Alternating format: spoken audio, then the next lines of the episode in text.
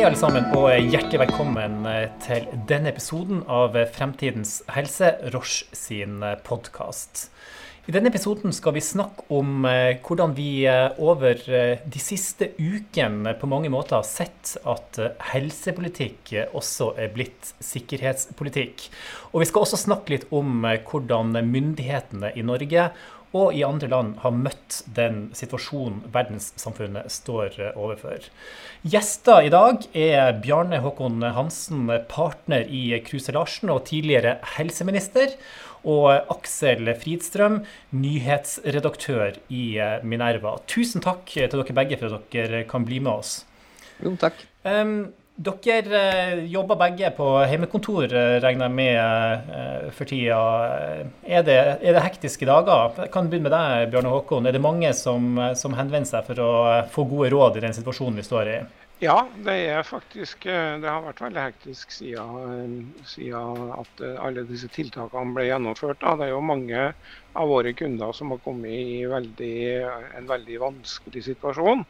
Så enn så lenge har det vært uh, travlere enn noensinne. Men, uh, men, det er klart vi også regner jo med at hvis det her blir uh, langsiktig og varer over flere måneder, så vil vi helt sikkert merke det også i vår, i vår virksomhet. Det er klart at kjøp av konsulenttjenester er naturlig nok noe av det første som virksomheter som mangler penger vil eh, skære ned på og kutte ut. Men enn så lenge eh, alt vel. Aksel i Minerva, hvordan, eh, hvordan, står det til der i den situasjonen vi står i? Nei, altså Vi jobber jo og produserer som før, bortsett fra at man jo ikke møter hverandre, men må ha online-møter som, som, dette. For en uh, mediebedrift så er det jo klart at det er et problem at man, det blir jo nærmest umulig å, å selge annonser. Men uh, da må man vi forsøke å kompensere for det da, ved å få flere abonnenter og prøve å produsere godt stoff som leserne er interessert i om denne problemstillingen. Så det er jo da en utfordring som vi jobber for å møte så godt vi kan. Dere som, som så veldig mange andre medier også, så vidt jeg har forstått. Bjarne Håkon, kan ikke du fortelle litt om du har jo vært uh, i, uh, i uh, Du har sittet i statsrådsstolen sjøl mm. i, i, en situasjon der Eh, der Norge faktisk har blitt ramma av ei eh, global helsekrise. Eh, da du var i den rollen, så var det svineinfluensaen dette gjaldt. Aller først, hvordan tror du nattesøvn til Bent Høie er for tida? Det, det, er klart at han, han har jo en, et voldsomt stress. ikke sant? Det er utrolig mange beslutninger og vurderinger som skal tas. Eh, sånn at eh, Jeg tenker jo at det først og fremst er veldig veldig lange dager. Men samtidig så eh, Sånn som jeg opplevde det, og sånn som jeg er helt sikker på at Bent Høie også opplever det, så, så har du jo et veldig kompetent team av fagfolk og, og relativt stødige faglige råd rundt det. Sånn at de fleste, de fleste beslutningene som tas, tror jeg nok kan føle seg veldig vel med. Eh, og at man sånn sett da egentlig sover ganske godt, eh, men ikke så lenge. Altså Det er korte netter, men, eh, men ikke, jeg tror ikke de er prega av at en er veldig veldig sånn urolig over en, om en har beslutta riktig eller ikke.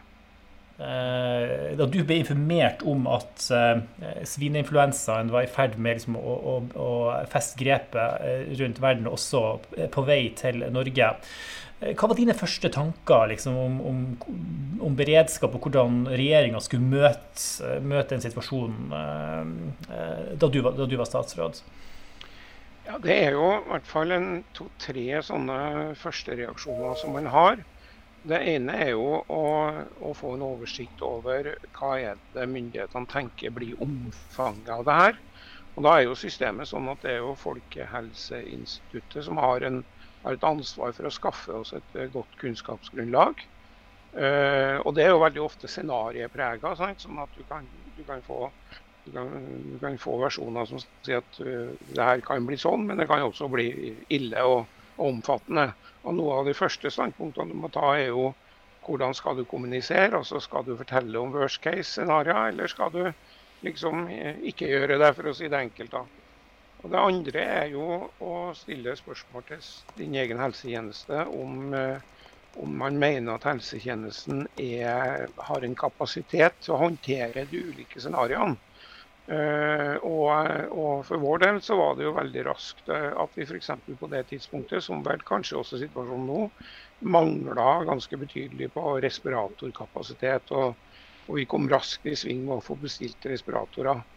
Og Det tredje, som jo var spesielt for eh, den forrige pandemien, altså svineinfluensaen, som ikke er like relevant nå, det var jo at på det tidspunktet så så så vi jo for oss at vi innenfor relativt kort tid ville kunne få en vaksine. Og Da var det mange spørsmål knytta til både spørsmål om en prepandemivaksine, altså en tidlig versjon av den egentlige vaksinen. Skulle vi kjøpe den? Og skulle vi iverksette massevaksine? var jo den type, type spørsmål som vi hadde. Så til oss var det mer sånn en diskusjon om å holde ut en kortere periode. Den store forskjellen nå er nok at sykdommen er mer alvorlig. Eh, Sjøl om det var mange som døde av svineinfluensaen også. Men sykdommen er mer alvorlig nå. Og tidshorisonten frem til en vaksine foreligger, er mye, mye lenger. I en sånn situasjon eh, der man vet at befolkninga blir utsatt for en, en, en, betydelig helsetrussel, og man også vet at sykehusene potensielt vil kunne bli overbelasta, hvor viktig er god kommunikasjon eh, fra myndighetssida? Ja, jeg tenker jo at Kommunikasjon er en veldig viktig del av krisehåndteringa. Enten det er myndigheter eller at det er bedrifter eller organisasjoner eller kommuner eller hvem det er. Som, så, så, er liksom det å gi god, god, og omfattende kommunikasjon eh, en veldig viktig del av krisehåndteringa. Det, det, er to sider av samme sak. Å håndtere krisen rent praktisk, men også fortelle om hvordan du håndterer den. Men det er vanskelig. ikke sant? Det er en del vanskelige dilemmaer.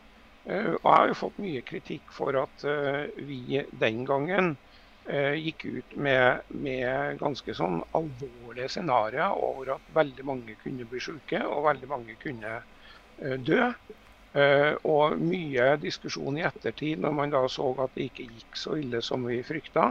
Om det var riktig eller ikke, om det var krisemaksimering eller om det var rett å fortelle om de, de scenarioene som fantes fra mitt ståsted så var det i prinsippet aldri noe alternativ at jeg skulle få informasjon på mitt bord fra eh, mine rådgivere, altså særlig Folkehelseinstituttet, og på en måte underslå de opplysningene for befolkninga. Altså jeg tror noe av det aller viktigste fra myndighetenes side i en sånn situasjon, det er at man, man må fortelle det man vet. Altså har man har man fått kunnskap, innspill osv., så, videre, så så må man fortelle om det.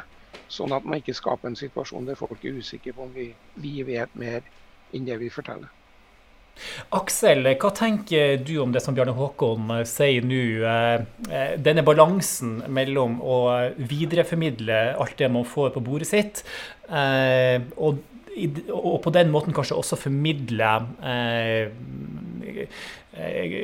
ganske Eh, et ganske dystert bilde av situasjonen eh, versus det å på en måte forsøke å, å berolige. Eh, hvordan syns du norske myndigheter har håndtert den, den balansen så langt? Jeg syns norske myndigheter er transparente, og jeg tror at det er ganske lurt. Altså, man har veldig stor grad av åpenhet om hva man tror. Man har også stor grad av, av usikkerheten som ligger bak. og det er veldig vanskelig å, å se for seg at uh, man kan mobilisere hele samfunnet til en innsats da, som griper inn uh, i folk sine liv på mange måter som man overhodet ikke ønsker seg, uten å få frem den, eh, den, den usikkerheten og det alvoret som ligger i det. Uh, så det er selvfølgelig alltid en, en sjanse for at man liksom, for at man, man krisemaksimerer. Men du kan si at eh, risikoen for det da, så La oss si at uh, noen skulle kritisere Bjarne Håkon da, for at han liksom krisemaksimerte. Ja vel, men hvor mye skade har det norske samfunnet tatt av det i ettertid? Antagelig kanskje ingenting. Men dersom man ikke liksom eh, tydelig kommuniserer og mobiliserer ressursene for å møte en krise, så er jo det verst tenkelige scenarioet at man ikke klarer å mobilisere. Så det er egentlig mye bedre å overreagere enn å underreagere i de fleste sånne tilfeller. Likevel så ser vi jo en ganske heftig debatt eh, i den norske offentligheten, og kanskje særlig da i sosiale medier, knytta til eh, det som enkelte syns er en respons fra myndighetene som kanskje er, er for stram. da, At eh, tiltakene kanskje går for langt. Og vi har allerede denne uka sett at eh, enkelte har, har, gitt uttrykk for at, eh, at, vi burde ha sett en oppmykning. Eh, hva tenker du om dette, altså disse ulike eh, signalene som kommer eh, fra ulike hold? Altså jeg tenker at det, det, smarteste norske myndigheter kan gjøre nå, gitt den usikkerheten som foreligger, er å forsøke å kjøpe seg mest mulig tid. Altså skaffe seg mer tid til å få et mer oversiktlig bilde av eh, viruset og sykdommen. Eh, hvordan eh, land som har en, en, epidemi som har kommet lenger, har klart å håndtere hvilke nye behandlingsmetoder vil kunne finnes?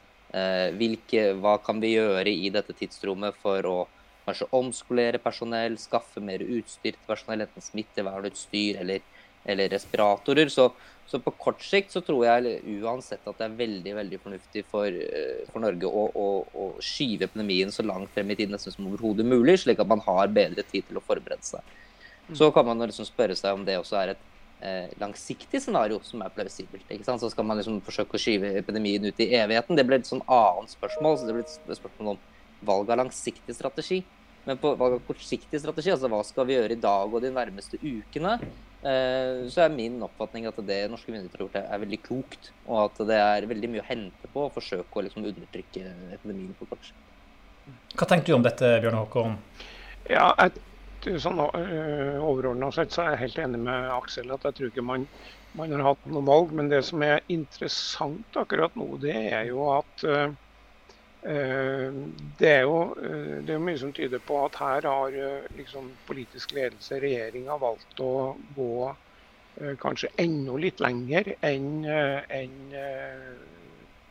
helsemyndighetene, altså Folkehelseinstituttet, strengt talt har anbefalt. Altså, det har vært like mye politiske beslutninger, en del av disse tiltakene, som veldig klare faglige råd. Uh, og Jeg tenker at det, jeg har veldig stor forståelse for at man har gjort det. fordi at man tenker at uh, hvis, vi, vi, hvis, vi, tar i litt ekstra, så kan i hvert fall ingen beskylde oss for at vi ikke tok det alvorlig nok. rett og slett. Altså at det, det rådet pluss litt til. Uh, da, da, kan ingen komme i ettertid og si at vi ikke tok det alvorlig nok.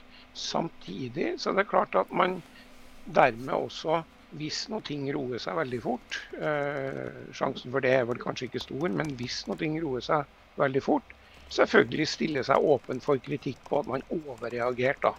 Eh, og, og, og, at skadevirkningene på norsk økonomi har blitt større enn det som strengt talt var nødvendig.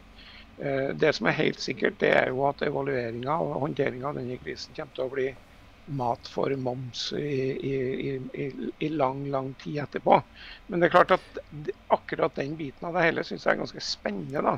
At vi har mm. eh, en, en, eh, regjering som har valgt å kneppe til en par ekstra hakk, ekstra hakk utover, utover, de rene faglige vurderingene. Men ikke sant, fra min side tror at det er riktig og er vanskelig for å se alternativet. Men med det presset som var i, i opinionen og i offentligheten eh, denne torsdagen, da, eh, da eh, disse strenge tiltakene ble kommunisert, hadde regjeringa noe annet valg? De har selvfølgelig et annet valg. En regjering har alltid et valg. Men, men ethvert valg har jo sine konsekvenser. Sånn at, sånn at jeg sier ikke at de burde ha gjort et annet valg, eller at de har gjort et feil valg. Men de kunne ha gjort et annet valg. Det kunne de. De kunne ha gjort eh, som, Svens, som, Sverige har gjort, og lena seg enda sterkere på de faglige rådene. sant? Altså, og, og, ikke valgt å gå til stenging av barnehager og barneskoler f.eks. Men, eh, men det ville ha vært en stor risiko knytta til det òg.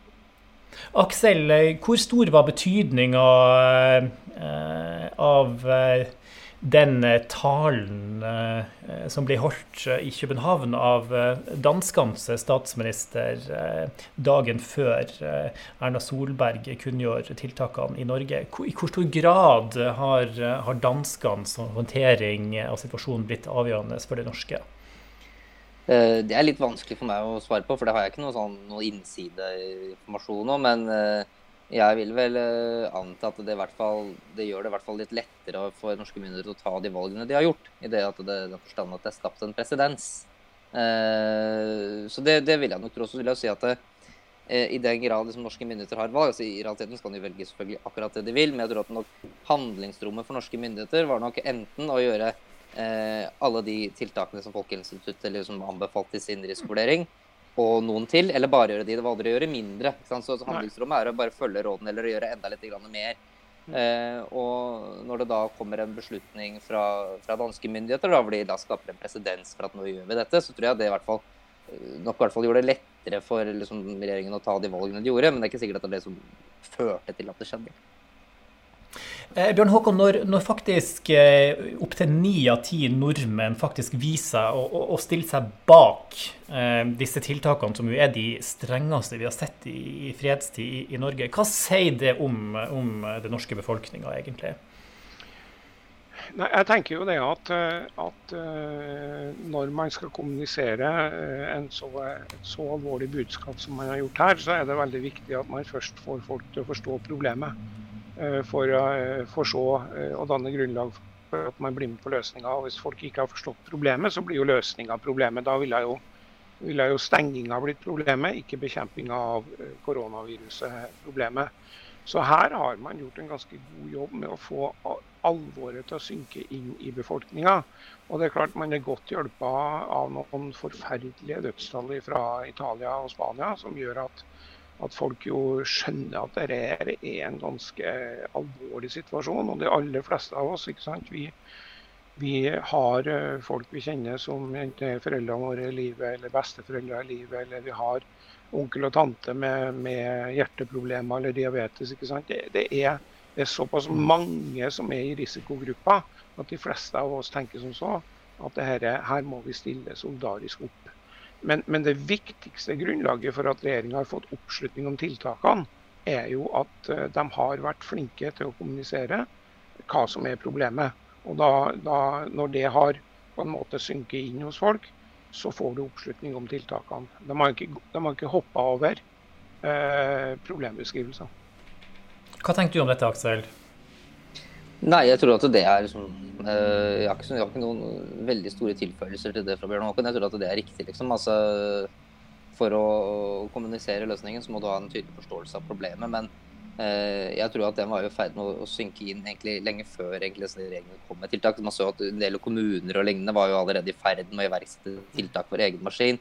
Så det var jo en, en Problembeskrivelsen satt allerede godt i da når disse tiltakene kom. Og det var jo til og med det som liksom var, var utålmodige med tanke på tiltak.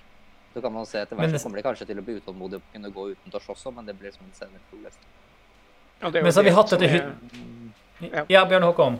Nei, og det, det, er jo det som du kan si at uh, Hans Christian, du nevnte innledningsvis at uh, hadde håndtering av pandemien som helseminister, altså svineinfluensaen. Men jeg får, jeg får veldig sånn déjà vu tilbake til en annen krise som jeg var oppe i som landbruksminister for, et, eh, for en eh, menneskealder siden, skal du si. Da, eh, da, gjennomførte jeg jo det som til da var det strengeste grensetiltaket som Norge hadde gjennomført siden krigen.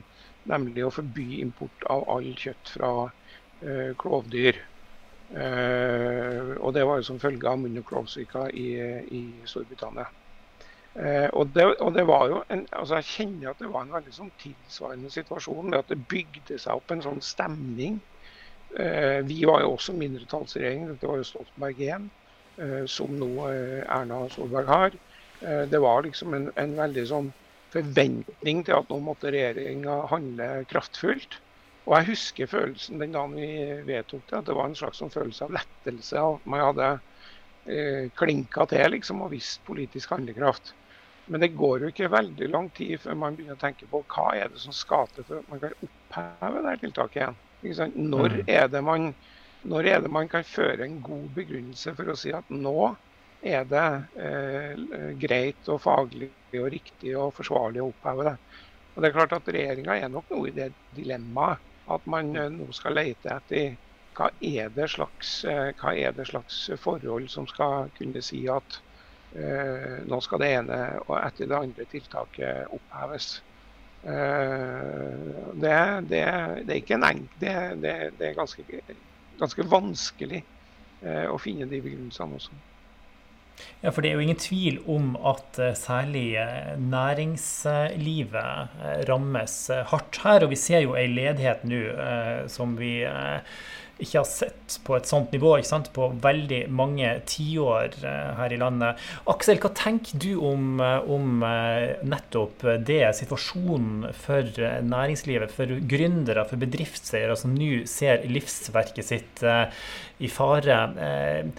Hvor stor tålmodighet har de med myndighetene etter ditt syn? Jeg vil jo i hvert fall tro at de har mindre tålmodighet med myndighetene enn andre. For at de vil jo se at livsverk, altså risikerer at livsverket forsvinner mellom hendene på dem. Så de er, det er jo ikke noe rart at de er, de er utålmodige. Samtidig så må også de, de, smitt, altså de medisinske rådene være det som liksom er førende for, for, hva man gjør. Men jeg tror at det, si det viktigste i den responsen er å sørge for at den, denne epidemien altså den påfører det norske samfunnet en enorm byrde. Og det som jeg tenker er viktig, er å sørge for at den byrden blir mest mulig jevnt fordelt. Eh, slik at det ikke er enkeltpersoner eller næringsdrivende som blir blir veldig veldig, veldig, veldig hardt rammet av dette, mens andre liksom i mindre grad merker det.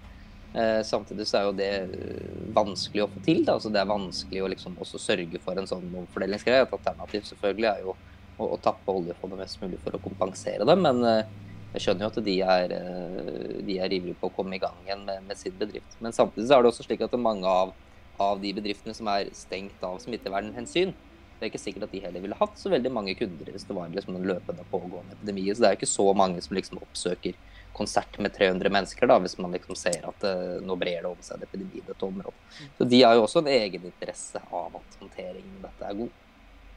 Den politiske responsen i Norge har jo vært, eh, den har vært eh, prega av stor samstemthet mellom, mellom, de ulike blokkene, mellom, mellom, partiene. Men akkurat i, i den finansielle responsen, altså i, når det gjelder krisepakkene, så har det jo vært litt, eh, litt skjæring her mellom, mellom Eh, mellom regjeringa og opposisjonen. Eh, det er ikke en risiko her for at eh, man nærmest vil overby hverandre og kanskje gjøre det nesten for enkelt å permittere folk snarere enn å forsøke å holde folk i arbeid, selv om det er en krevende situasjon? Ja, jeg tror at det absolutt er en, er en risiko. Altså, jeg tenker jo at i de fleste økonomiske kriser liksom, så har jo Finansdepartementet liksom, de har en del sånn, liksom, automatiske tiltak da, som liksom skal komme inn for å møte den krisen, og som har et erfaringsgrunnlag med. Denne krisen er jo helt annerledes. altså Det er en helt annen type krise. Og de eh, erfaringsgrunnlaget vi har for å utforme tiltak, er ganske svakt. Og det vil nok også bety selvfølgelig at mange av disse tiltakene er eh, på sett og vis dårlig utformet, da, men de er jo utformet under et ekstremt eh, tidspress. Eh, mm. Men man bør jo håpe at uh, over tid at man kan bidra til å, å, optimalisere disse tiltakene og sørge for at de liksom slår ut mindre uheldig. Jeg tror ikke det er noe tvil om at det er masse uheldige bivirkninger av det som er gjort. Nei, og så er det vel ikke sant, altså, Du kan si at uh, skiftet fra flertallsregjering til mindretallsregjering kommer på et veldig uh, uheldig tidspunkt. Det har nok vært en stor fordel for uh, for eh, statsministeren å beholde denne flertallsregjeringa gjennom krisen. Fordi at nå er vi over ikke sant, i en veldig sånn tradisjonell politisk spillsituasjon. At det er nærmest utenkelig at uh, Stortinget i hvert fall sier at nei, nå bruker regjeringen for mye penger. Uh, det, det, det, det, er helt, det er helt fjernt å se for seg. Og det, og det er jo også veldig Det er liksom nærmest som amen i kirka at en opposisjon har eh, litt mer penger, litt flere ting de ønsker å gjennomføre innen posisjon. Så jeg tenker nok at regjeringa også legger inn et lite slekk her. Altså de, de, de, er nok forberedt på at sant, når, vi, eh, når vi foreslår ti, så kommer Stortinget til å foreslå tolv, og foreslår vi tolv, så foreslår de 15. Så, mm. så Det ligger nok litt eh, kalkulert inn i, i, hele det her politiske spillet. Men jeg mener jo Hans Kristian, at du har veldig rett i at overordna sett så er det jo en ansvarlig regjering og en ansvarlig opposisjon som vi ser. Selv om litt av det politiske spillet selvfølgelig også sniker seg inn i en, i en, i en uh, alvorlig eh, krisesituasjon i, i, landet. Så tror jeg at det som er det som virkelig skiller den krisa fra alt vi har vært oppi i, de siste åra, er jo at uh, vi har jo egentlig ikke peiling på hvor lenge dette kommer til. Uh, og det er klart at uh, Skal vi nærmest være i en slags sånn unntakstilstand frem mot vaksinen kommer, altså et år frem, så er det jo nesten ikke mulig å se for seg at det går. Altså, da vil du jo helt sikkert få en debatt om om ja, det, det, kunne ha vært riktig å gjort, men vi har ikke råd, rett og slett til å fortsette mm. på det her viset. Det er klart at jeg tenker at Hvis nå, eh, liksom, alle tror jeg er innstilt på at alt nå kommer til å gjelde over påske. Men over påske så kommer det en debatt sant, om mm. oppmykning og, og, i det hele tatt. Og Det er da jeg sier du får den vanskelige situasjonen der regjeringa skal finne en begrunnelse for at det mm. som gjaldt før påske, ikke gjelder etter påske. Når antageligvis smittesituasjonen er omtrent som, eh, som nå for rett og slett å sikre legitimiteten for potensielt å videreføre tiltakene. Ja, eller å heve, heve, heve, heve dem. Mm. Jeg lurer på um, det vi ser nå. Um, dersom økonomien uh, forverrer seg ytterligere, uh, dersom uh, dødstallene fortsetter å stige dersom helsetjenesten ikke klarer å, å, å holde tritt. Hva vil det kunne gjøre med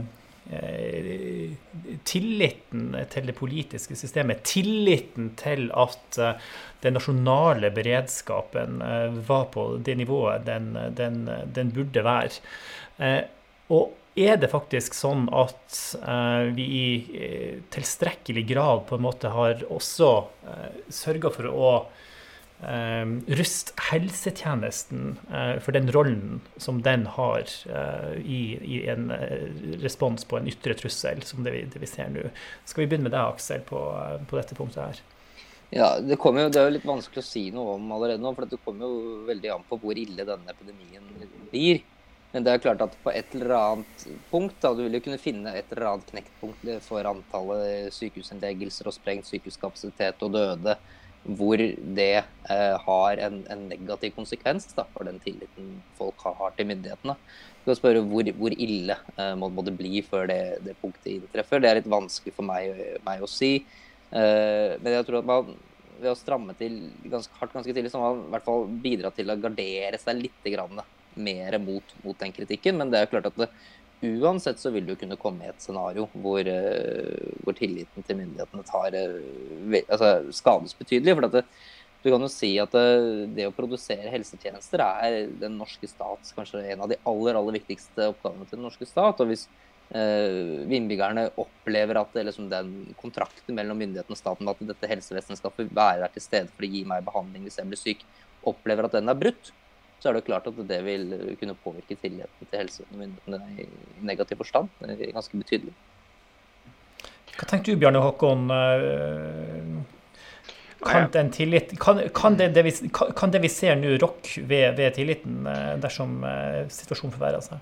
Ja, det kan nok det. ikke sant? Altså, jeg, tror at, eh, jeg tror vi skal være klar over at vi balanserer på en, på en, på en knivsegg her. Altså fordi at i Norge i dag så har vi vel en 700 eh, pluss respiratorer f.eks. Altså vi, nå tror jeg vi tømmer det som finnes av eh, dyrlegekontor og i det hele tatt eh, for å få inn nok respiratorer. Det er de samme, samme respiratorene som brukes til dyr som til mennesker. Vi har bestillinger på nye respiratorer, men det, det har jo hele verden nå, så det tar jo sin tid før vi får dem. Altså det betyr at vi kanskje da har en 750 noe sånt i nasjonalt eh, og det er klart at Hvis du ser på Madrid, da, som jo har 3,5 millioner innbyggere, eh, som eh, selvfølgelig bor mye mye tettere enn eh, folk i Norge gjør, så er det jo likevel sånn at, at hvis smitten virkelig får et omfang, så er 700 respiratorer, eh, respiratorer veldig veldig lite. I Spania mm. dør det 700 per døgn for tida nå. Eh, sånn at Det betyr jo at da vil vi komme fort i en situasjon der helsevesenet må prioritere veldig veldig sterkt mellom eh, behandling og lindring. Altså at veldig mange som man normalt ville ha sagt eh, skulle behandles, eh, blir lindra og, og, dør. Og det er klart at mm. Hvis vi får denne situasjonen at, at vi kommer dit hen at det er for få plasser i Norge også, så, så kommer det nok til å bli reaksjoner og, og en stor diskusjon i ettertid. Uh, nå er det jo alle å håpe på at vi virkelig greier å flate ut det her, men, men det er, vi er langt ifra trygge på det ennå. Så Det mm. tror jeg det er viktig å, å være klar over. Etter, etter 22.07 så var det jo mye snakk om eh, beredskap eh, i, i, Norge. Aksel, eh, tenker du at fremover altså bør, bør, også helsepolitiske prioriteringer ses på mer med beredskapsmessige øyne, gitt eh, at også eh, epidemier og virus eh, faktisk kan utgjøre en, en, en betydelig ekstern trussel? Jeg tror vel Blant de tingene som det er minst usikkerhet om når vi, dette scenarioet, så er det vel nettopp at det, det, den type vurderinger vil bli tatt. Altså at man vil eh, i mye større grad velge å se på eh, hva slags type beredskapsscenarioer man har. Eh, man vil gå gjennom og se eh, hvilke selvforsyningsgrader har du av ulikt materielt utstyr. altså Hvordan er forsyningslinjene dine til å skalere opp Eh, så det, det, det, tror jeg er en, en åpenbar konsekvens at man, man, man, vil gjøre. Så må man se hvordan eh, den beredskapen, altså hva, hva, den type beredskapsplaner vil føre til av praktiske tiltak. Men at det blir gjort en ja. veldig grundig gjennomgang av det, tror jeg ikke det er noe tvil om. Mm. Eh, Bjørne Håkon, din tidligere partikollega Gro Harlem Brundtland, hun har jo vært en av de som har vært ute og påpekt at eh, Eh, vi nå på mange måter også står overfor en, en, en varsla katastrofe, og at enkelte land kanskje liksom har unnlatt å følge opp nødvendige eh, forberedelser og sørge for å ha en adekvat beredskap da, for å kunne håndtere et globalt utbrudd. Hva tenker du om det? Nei, Jeg tror at uh, Aksel har helt rett i at noe av det som virkelig kommer til å skje i etterkant av denne krisa, det er en sånn veldig grundig vurdering av uh, beredskapslager. Uh, altså all, alt det her type tingene som, som, eh, som, man sier nå at det er liksom helt eh, merkelig at vi skal komme i en situasjon at vi mangler ganske enkelt smittevernutstyr, at vi mangler ganske elementære ting. da. Eh, men det skyldes jo selvfølgelig at, at vi hadde lager i Norge også, men, men, at hele verden etterspør det samme akkurat samtidig. og Det er jo det som kjennetegner pandemien. Mm. At den, det blir ikke en pandemi for den berører hele verden. sant? Sånn at, sånn at, jeg tenker at den type analyse kommer i etterkant. Uh, I hvert fall. Og Gro har sikkert rett i at det burde ha kommet i forkant. Men, uh, men det er alltid lettere å få, få, få etterpåklokskapens lys til å skinne over en enn å være klok på forhånd. Jeg har et siste spørsmål, og det går til dere begge to. og Du kan kanskje begynne, Bjarne Håkon. Med tanke på eh, det valget vi skal ha i Norge til neste år, eh, hvor eh, avgjørende tror du håndteringa av denne krisa kommer til å bli i den sammenhengen? Ja, normalt så vil, jo, så vil jo øh, velgerne honorere god, stødig kriseledelse øh, fra regjering. Uh, uh, sånn at i utgangspunktet så tenker jeg jo at, at dette er ikke dårlig valgkamp, for å, for å si det brutalt. For, eh, for, eh, særlig for eh, Erna, men også for de andre regjeringspartiene. Og du ser jo De legger veldig stor vekt i å vise frem både folk fra Venstre og fra KrF på de pressekonferansene. Så de tenker nok sånn at dette, hvis vi håndterer det her bra, så er det bra for oss. Men, men det er lenge igjen til valget, og det er veldig mye usikkert knytta til hvordan situasjonen utvikler seg. Og vi så jo etter 22.07 at uh, umiddelbart etter terrorhandlingene så hadde jo Arbeiderpartiet en veldig oppsving på Gallup. Men det ble, det ble jo ikke det, ble relativt, det var en relativt kortvarig effekt. altså Ved valget allerede i, i september så hadde jo Arbeiderpartiet et, et, et ganske ordinært uh, valgresultat på den tida. I dag ville det vært veldig bra, men mm. etter datidens standard er det et ordinært resultat. Ja. Aksel, hva tenker du om det? Jeg tenker først at Det er jo nærliggende å håpe på at innen det er eh, stortingsvalg, da, så har jo deler av denne er man forbi og gjennom denne epidemien. og da, da vil det jo på sett og vis foreligge et slags regnskap for hva som er gjort. Eh, så kan man jo være uenig om detaljene det, men hvis det er liksom den unisone eh, dommen fra befolkningen er at dette er dårlig håndtert, altså enten fordi at man har eh, endt opp med altfor mange døde og belastet sykehus, eller fordi at de økonomiske kostnadene av nedstengelse man ikke har klart å finne den rette balansen, så tror jeg at det vil selvfølgelig skade regjeringen. Men dersom de ender opp med en håndtering som til ettertid, så vil det være klare sammenligningsgrunnlag med hvordan dette er håndtert i andre land som viser seg å være god, så tror jeg det klart er et, et fordel å kunne styrt gjennom en sånn krise. Mm. Aksel Fridstrøm og Bjarne Håkon Hansen, tusen takk til dere begge for at dere satte av tid til å være med i podkasten vår i dag. Og dere som lytter på, hjertelig takk for følget. I neste episode skal vi møte en mann som har særdeles hektiske dager nå. I Dignio har de utvikla en tjeneste som hjelper helsetjenesten med medisinsk avstandsoppfølging. Og det er det stort behov for akkurat nå. Takk for i dag.